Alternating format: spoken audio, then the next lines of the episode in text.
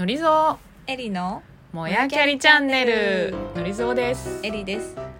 おはようございます。ご無沙汰してますだ もやきゃりチャンネルはロンドンのビジネススクールに通っていたアラサー女子2人がお届けする番組です。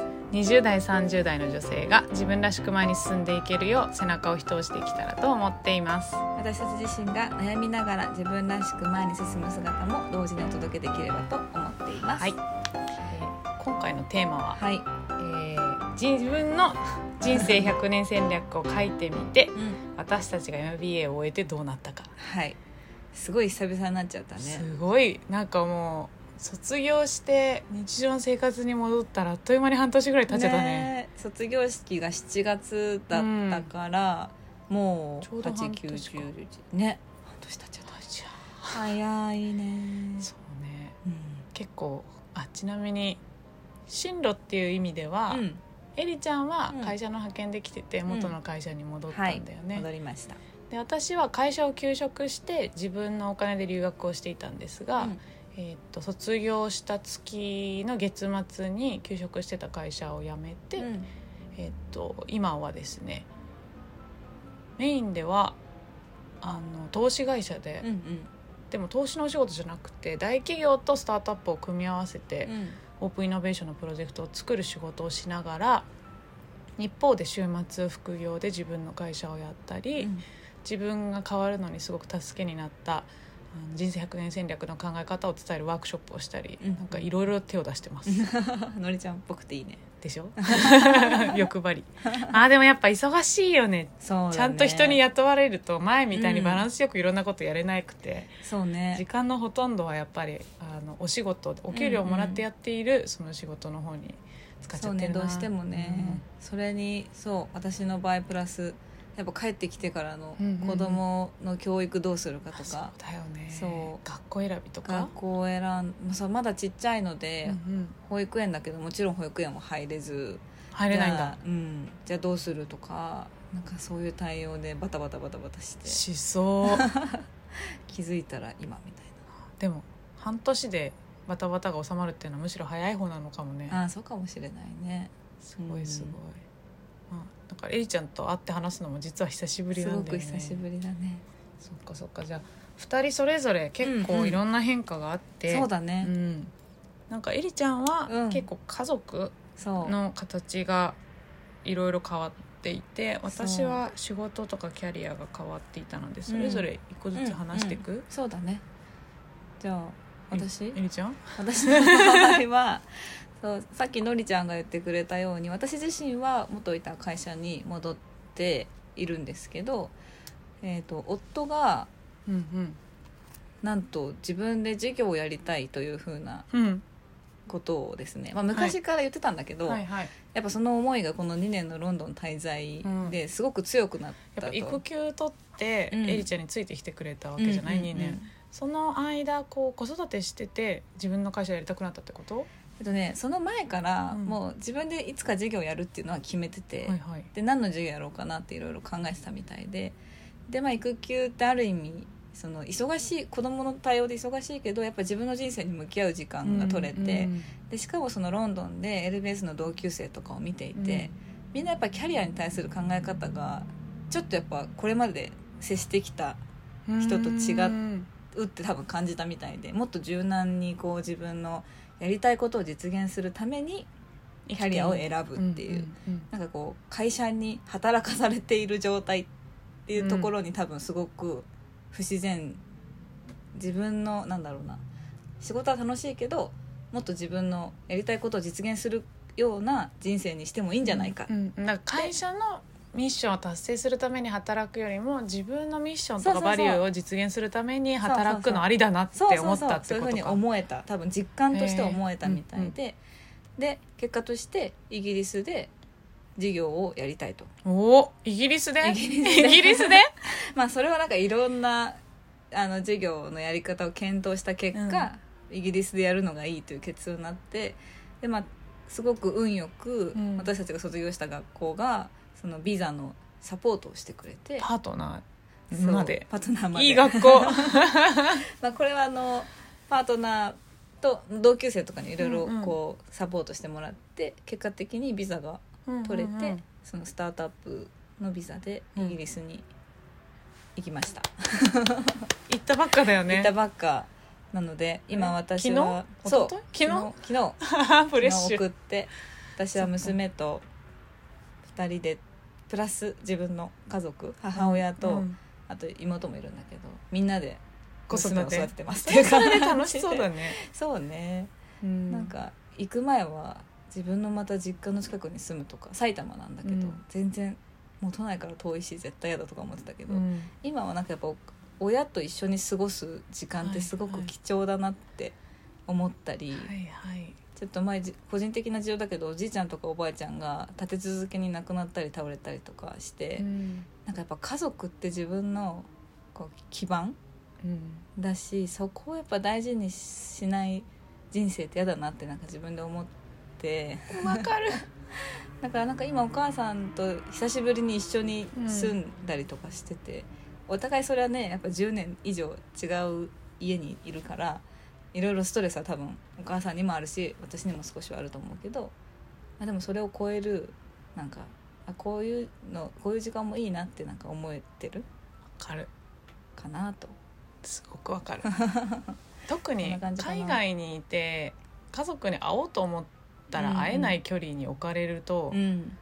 ああ会えたらいいのになって思ったりしない？するする。よね。うん。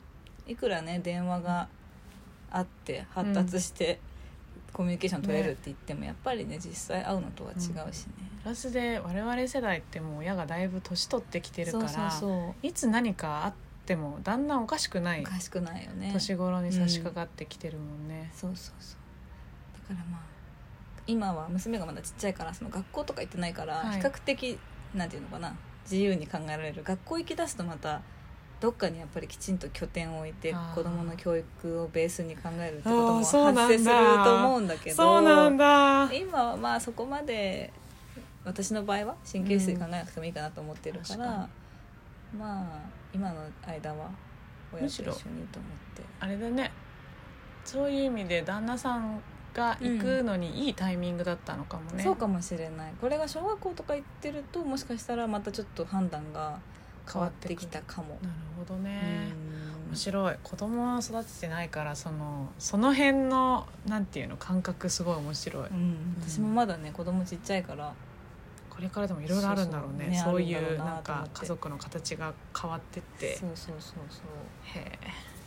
だから家族も全員巻き込んで夫をとりあえずサポートするという。素晴らしいなんかあれだよね留学する前のうん。エリちゃんとか、うん。入学した直後のエリちゃんってなんかそこまで家族の形に柔軟なイメージがあんまりなかったんだけど、うんうん、そうね。なんか当たり前な家族の形にすごい縛られてたっていうか。まあ縛られてたっていうかまあそれしかないそれしか見えてないもんね。そうそうそう、ん。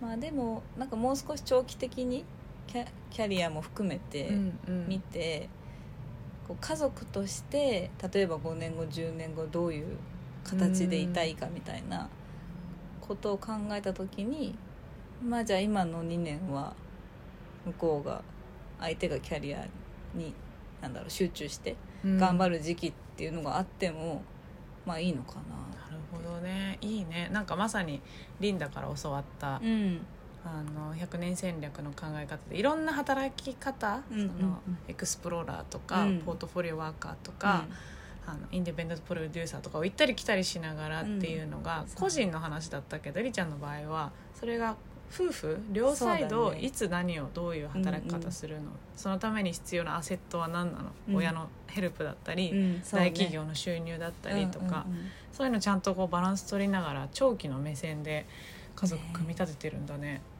すごい、まあ、始めたばっかりだからどうなるかわからないけど。じゃあダメになったらまたこの ポッドキャねやっぱストで難しかったですってなるかもしれない。まあででももそれはトライしたことに意味があるかなと思う。挑戦しないと結果は絶対出ないもんね。そうそうそう。そっかそっか、うん。じゃあこれから寂しくなったら遊びに来て。はい。お願いします。私エリちゃんの元赤ちゃんのベイビーと遊びたい。そうだね。そうだね。そっか。のりちゃんは？私結は構キャリアがね激変だよね。激変だね。だって最初会った時はもう超大企業のイケイケ営業ウーマンって感じだったよね。自分で自分のことそう思ったことはないけど。ね。周りがみんなそう思ってるよね最近なんかいろんな人の言葉を素直に聞けるようにやっとなってきて もういい年してごめんなさいって感じなんだけど。なんかやっぱり周りから見ると「あののりぞうさんはイケイケですね」って言われるイケイケっていうかなんだろうな当時の自分ってそのやっぱ認められたいとか、うんうん。成長したいとか頑張りたいで何をっていうところにあまりうんうん。そこまでなんか与えられたことをただがむしゃらにやみくもに頑張れるみたいな、うんうん。でなんかそれが仕事例えば学生の間はテストだったり留学だったりサークルだったりっていうものだったし、し会社入ってから仕事だったし、なんか本当なんだろうな与えられたものを全力で走りますみたいうんうんな、うん。そうそう感じそんな感だったよね。じだよね。そう。ん。どんとこいなんでもみたいな感じだよそうそうそう。ねとりあえず打ち返してみるみたいな。たまに大きが負うみたいな。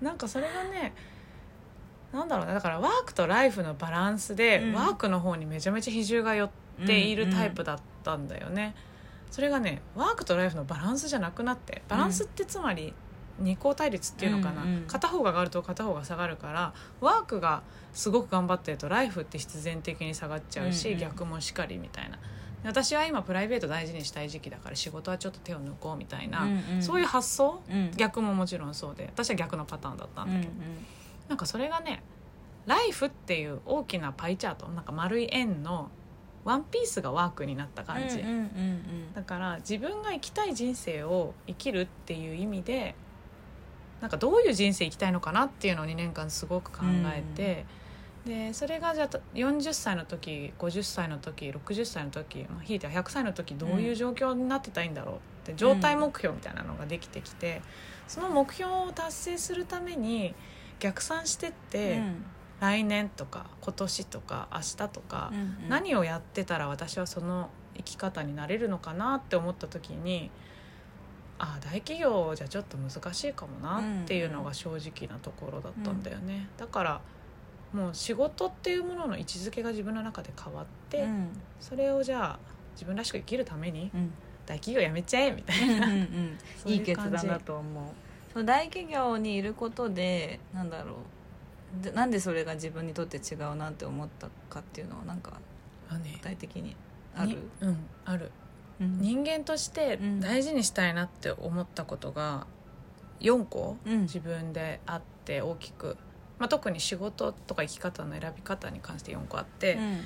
1個目がなんかやっぱキャリアのオーナーシップ持ちたいなって思ったんだよね、うん。なんか留学してた間にいろいろ挑戦して、うん。した結果自分がやってて楽しいことが分かっちゃった。うんうんそれが新規事業の立ち上げだったんだけど、うん。新規の立ち上げこんなに好きだし楽しいし自分で意思を持ってやり続けたいって思った時になんか大企業って結構23年おきに配属わかんない、うん。私がいた会社はそうなんだよね、23年おきにアサインメントが変わって、うん。都度新しい挑戦なんだけど、うん。新規の立ち上げはやり続けられるかはわからない。そうだね。もうある意味うん。命運は会社が握ってるって感じになっちゃうからね。で幸い元いた部署のあの偉い上司が帰ってきたら新規の立ち上げやらせてあげるって言ってくれたんだけど、まうん。あ、その上司も多分数年、うん。まあ、来年わかんないけど移動する時期だし人が変わるとねそう。ガラッと変わったりするからね。でやっぱ新規の立ち上げやり続けたいなって思っていてそれをこう誰かに委ねたくなくなっちゃった。っていうのが1個目、うん。2個目がライフのオーナーシップで、うん。さっきえりちゃんが言ってたその親と過ごすっていうのがうんうん割と大きな理由の1個なんだけど、うんうんあの特に商社にいたじゃない、うん。総合商社に、うん。そうすると海外駐在？そうね。っていうのがいつ何時発生するか分かんないでねかつ仕事で頑張ったご褒美がうん結構海外駐在だったりするじゃない、うんうんそういう一面もあるね。そう。で私は今親がもう75とかになってきてるから、まあどう転んでも多分15年とか25年後はおそらくそうだ会えねないかなと思って、その時になんか今この時期、うん。その日本にいたいなって思った。うんうんあとはまあもちろんあの留学中に結婚幸いできたので、うんうん。旦那さんとも過ごしたいな。自分の家族もそうだし、老いていく自分の親ともうん。ちゃんと共に過ごせる人生を過ごしたいな。っうん。ていうのが2個目。で3個目はあのね留学中に立ち上げていたうん。自分の、まあ、細々とした小さな事業があってそれをちゃんと続けていきたいうんうん。と思っている、なかなか仕事があるとね会社での。あとね 副業が禁止だったの。だよね。でいろいろ相談してみたんだけど、うん。なんか網の目くぐればやってうん。やれないことはないかも、うん。みたいな感じだったんだけどそれをなんだろうな毎回申請出すとかそのストレスを抱えてやるのかっていそうそこに対してう時間かけるかとか、うん。あとはなんかこれってありなんだっけなしなんだっけとかいうのをうんいろんな人に聞いて回ってなんか申請書作ったりとかその作業嫌だなって思っちゃった、やらなくてもいいなんだろう副業を応援してくれる会社に今いて、うんうんそういうところの方がなんかうんやりたいことやれるな、うんで最後があのちょっと最後ネガティブなポイントなんだけど、うんうん。えっと、私がいた会社ってすごく大きい会社だったから、うん。一個のことを進めるのにたくさんの人と話をしなきゃいけなくて、うんうん。でしかもあのなんだろうな。わるなんだひ簡単に言うと根回しにかかる時間がもったいないなって思っちゃって、うんうん今の会社はすごく小さくて。で社長と2人で動いてるので、うん。話が早い。うんうん。で話をちゃんと社長とつけておけば何やってもいいよっていう感じなので、あのすごくシンプル。うん。前の会社で新しい事業やる時ってもう10人とか20人とかうん。説得しなきゃいけない、そうだね。いろんな立場の人たちがいて。だね。だからそういう意味でなんかもうちょっと誰をいつ説得するかよりも何を目の前やるかっていう人よりももの、ことうん。に集中したいなって思った感じかな、いいね。まあ、ただあれだよ。あの退職して転職してみて分かったけどやっぱうんいいとこもいっぱいあるね、あ大企業は。う？ん。例えば？なんだろう生活の基盤がやっぱ大きな後ろ盾があるっていうのはすごいことだよね。そうそうそうそう、ん。それこそこれから子供とか例えばうんうん。作ろうとかなってくるとさなんか育児休暇とかまあうん。多分あるんだけど制度としては、あのそんなの取ったことある人いませんみたいな小さな会社だった時に前例もないくて全部自分でやるとか、うんうん。あとは大企業の方がやっぱお休み取れる日程があの手厚かったりとか、うんそうだね。その福利厚生の部分とかね、そうそうそう。あとはなんだろうな。まあ私は全然苦にならないからそれを文句言うわけじゃないけど残業時間をうん減らしなさいとか言う人ももちろんいないし、そうだよね。どっちかっていうとなんかスタートアップみたいな働き方してるうん感じかな、うんうんでそれが楽しくてがむしゃらにやってるけど、うんうん。なんかこうあそういうことを言う人がいるっていうのはやっぱ大企業の、うんうんなんだろう守られてる感なんだなと思って、うんうんうんうん。そうだね、うん。守られてる感じはすごくあるよね確かにね。でうち夫婦ともにそんな感じだからさ、うんうん。確かに片方大企業にいるっていうのはメリットもあるんだなって思った まあそうね、うん。どう考えるかだけどね。なんかこの前たまたま会った同期と話した時は、うん。その子は自分であ同期じゃないな。あ元同期だ、うんうん。彼はその自分で自分の収入源になる基盤となることをうんうんうん。この何年かできちんと作ってきて、へでそれにさらに自分でやりたいことに挑戦するってだから一人でポートフォリオ組んでる、はいはい、はい、それは非常に理想的だなとね思うんだけどなかなかでもそんな誰でもできることじゃないから、ね。あでも私目指してるのはそこでそういうね。実は45歳でそうなるためにあの今はなんだろういろいろなことの学びと自分自身のしっかり力をつけるっていう意味も含めて、今働いてる会社で働かせてもらっていて、ででも最終的にはもう自分でものすごくパッションを感じているところに、うん。惜しみなく時間を注げる人生になってたい、うんうん。そうなんだよね、だからす大企業にいながらにしてそれができたらめちゃめちゃ無敵だなって思う。そうだね、んだから大企業側も多分もう少し何年か経ったら今の時流に追いついてきて副業がだんだん解放、うん解禁されたりとか、まあ、すでにしてる会社もたくさんあるけど、うんうんうん。していくと思うんだよね。そうだね。だからまあそれを待つのか自分が先に動くのかっていうことになって、うんうん。なるかもしれないけど、そうだね。まあ待つ間のね時間がまたそうね。まあでもその時間に例えばね子育てとか、育児とかっていう選択も女性はあるわけで、そうだね。なんかでもなんだろうだ個人的な感覚だけどその会社に入ってるとか、うん。会社に入ってないとか、うんうん。大企業とか中小企業とかっていうのがなんだろういろいろこうそれこそポートフォリオでうん。組めるように将来なってくんじゃないかなっていそう感じねがしてて。そこなんかだんだんボーダーレスになっていくかもしれないね。とある総合商社に週3で勤務しつつ、うんうんうん週2はスタートアップで働きつつ、週末はなんかか趣味のコミュニティでうん YouTube やってますみたいな。わかんないけど、うん。なんかそういううん。働き方にななっていくような気がするよね。うん。そう。それをなんかこう 実際に実践してみてうん。まあ私の場合はほまだほとんどそのお仕事の方に時間使っちゃってて、うん。副業の方そんなにできてないけど、うんうん。やってみるとなんだろうなんかやっぱ自分が手綱引いて全部バランス取っていくっていうことの難しさも感じるな、うんうんそうだよね。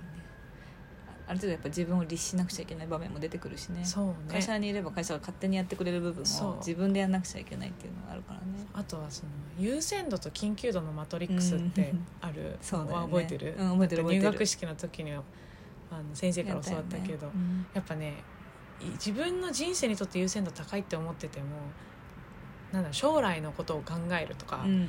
なんかこう目の前のやばい明日までにお客さんに返事しなきゃみたいなのと比べると、緊急性が低いけど重要な案件っていうのはな後かなか回しにねしちゃうんだよね。そう。でだからねそううん。なんか私はこんこういう例えばのりちゃんと会って例えば喋るとか、うんうん。こういうのが結構多分実は重要な時間なんじゃないかと思って。続けよ やっぱなんかね忙しいけどやっぱど,、ううどうやどうにかしてその時間を捻出しうてそうだよねいかないとやっぱ流されてっちゃうよね。流されるの？緊急案件にさ。びっくりすることにあっという間に半年経つんだよね。ね。やろうやろうって言って結局ね、こうなっちゃうとかちょっとそそれも反省うんしてる。反省。じゃあもう スケジューラーに入れよう。入れようね。そうだね。定期的にやろう、やろうね。